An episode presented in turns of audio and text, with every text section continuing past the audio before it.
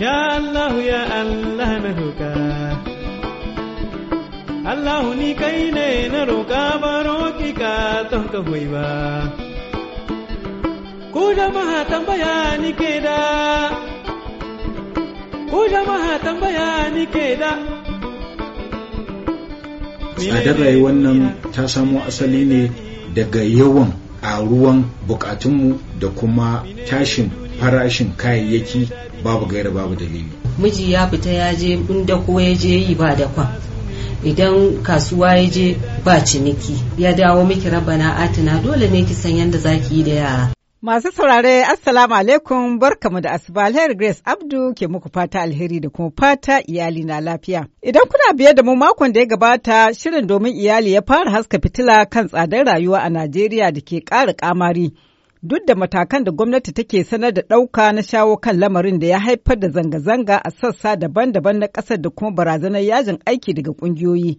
Yau, shirin ya karɓi bakuncin waɗansu iyaye mata Aisha Abdullahi Naira da Aisha Bello da kuma magidanci kuma ma'aikaci Nuhu Umar domin nazartar wannan lamari da nufin neman mafita a wannan tattaunawar da wakiliyarmu Binta Ibrahim ta jagoranta.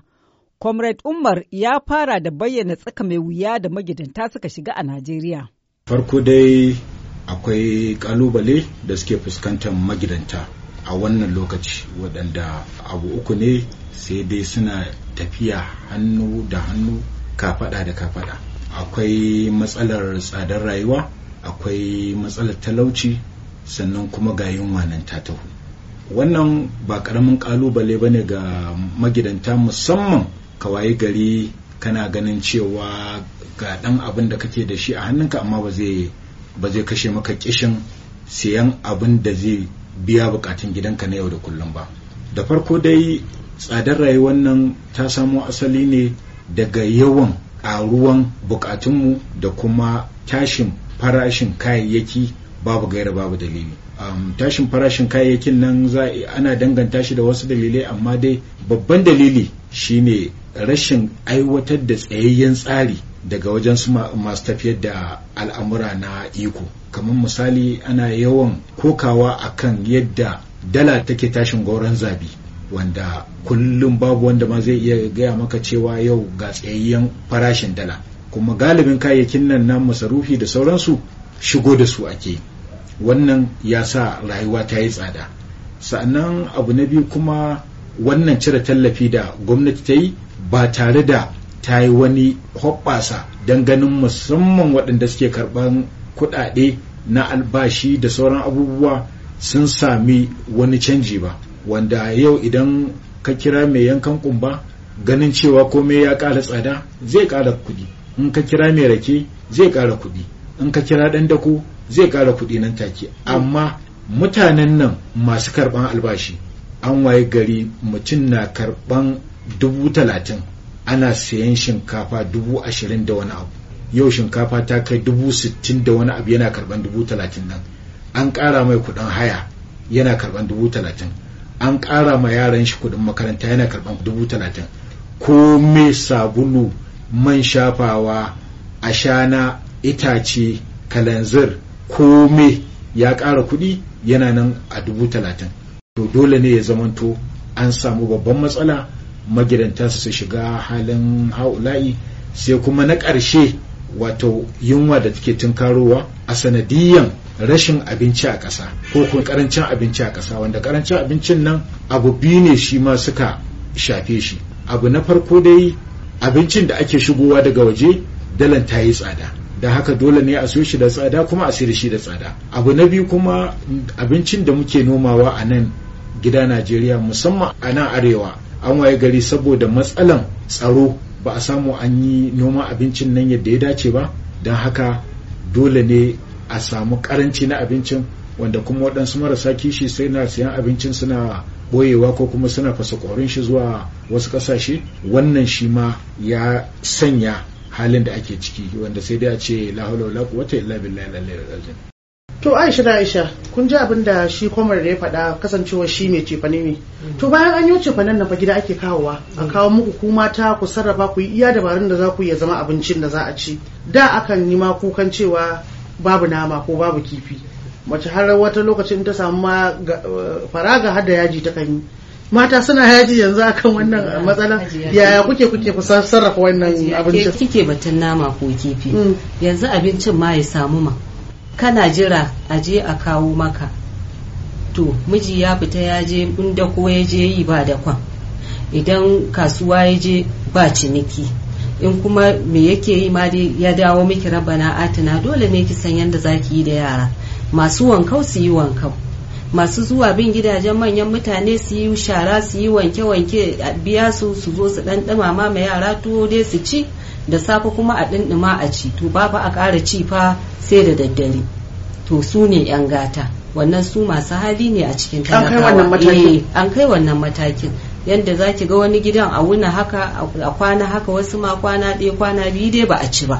Sai dai yara su je su yo bara su ci. Wani lokaci su samu wani lokaci ba za su samu ba. Shine za ki ga cututtuka sun yawa saboda yara ba su ci sun ƙoshi ba.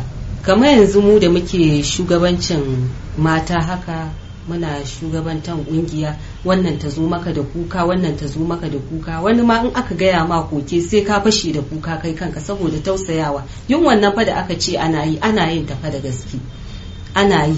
Saboda mu muke cikin su. Yau a zo a ce maka ba a ci ba gobe a zo a ce maka ba a ci ba. Kuma ba ma ta karan ka je siyan buhun shinkafa ko ka je siyan rabi ba. Ka je kasuwa yau zaka auni shinkafa shinkafa wallahi tafi ƙarfin talaka. Dubu biyu ne da ɗari biyu a kasuwa. Karamin kwano. Karamin kwano. Kakki ce wai shinkafa irin ta gwamnati. A'a shinkafa ta hausa. Ta gida na ta gida. Ita ce dubu biyu da ɗari biyu. Wata ma shinkafa in aka nuna miki ita ba kyan gani haka nan ake siye ana dafa. To ya za a yi? Kin ga ko yunwa ta kai yunwa ga masarar ita ma.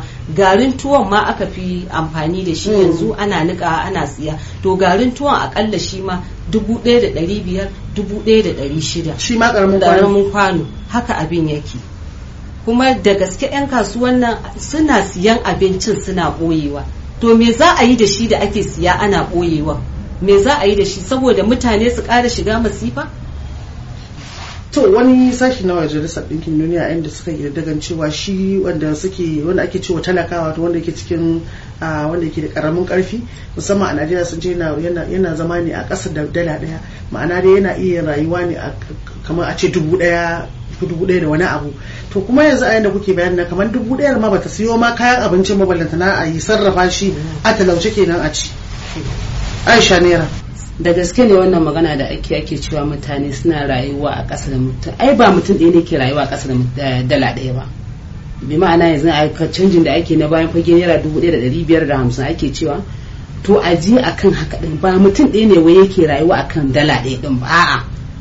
Yana zama zuri'a ce na cikin gida take rayuwa akan dala ɗaya.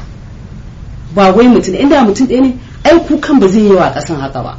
To dala ɗayan za ta iya sarrafuwa misali a ce an ciyar da misali ko da mutum ɗaya ne a rana tun daga safa dare. Wai wannan yawan fa da ake faɗa da gaske ne fa akwai ta? Hmm. kun san da cewa a ƙasar nan a rayuwar da ake yanzu mata suna da wata sana'a da suke na gidaje. A cikin sana'a sai suka samu wani ilimi har yanzu. Wannan sa'a suke cewa ta awara. Waken suya da ake sarrafa da ake sarrafa a yi awara. To idan waɗannan mata suka sarrafa wannan wake nasu suka cire abin da suke so to wannan dusan ya zama ne zana kasa ta ɗari biyu ɗari uku uku ɗari biyu duk sanda ake ba dabbobi? Dusan da ake ba dabbobi. Ita ce mata yanzu akwai matsayin da muke ciki a ƙasar nan musamman mu arewacin najeriya. Za su yi wannan dusan sai a je sai a ɗora ruwa akan wutan aka ɗora shi sai ya yi zafi. Idan ya zafi madadin irin muke ɗiba garin masara mai talge sai mu ɗauko wannan dusan sai su yi talgen shi. Sai a samo sinadarin garin masara sai a tuka sai ga yara an samu abin da za a ba su To abin da lokaci ya ba mu damar kawo muku kenan yau sai kuma mako mai zuwa ku ji yadda wannan lamari ya sa mata ɗaukar waɗansu matakan ba sabon ba domin ci da 'ya'yansu.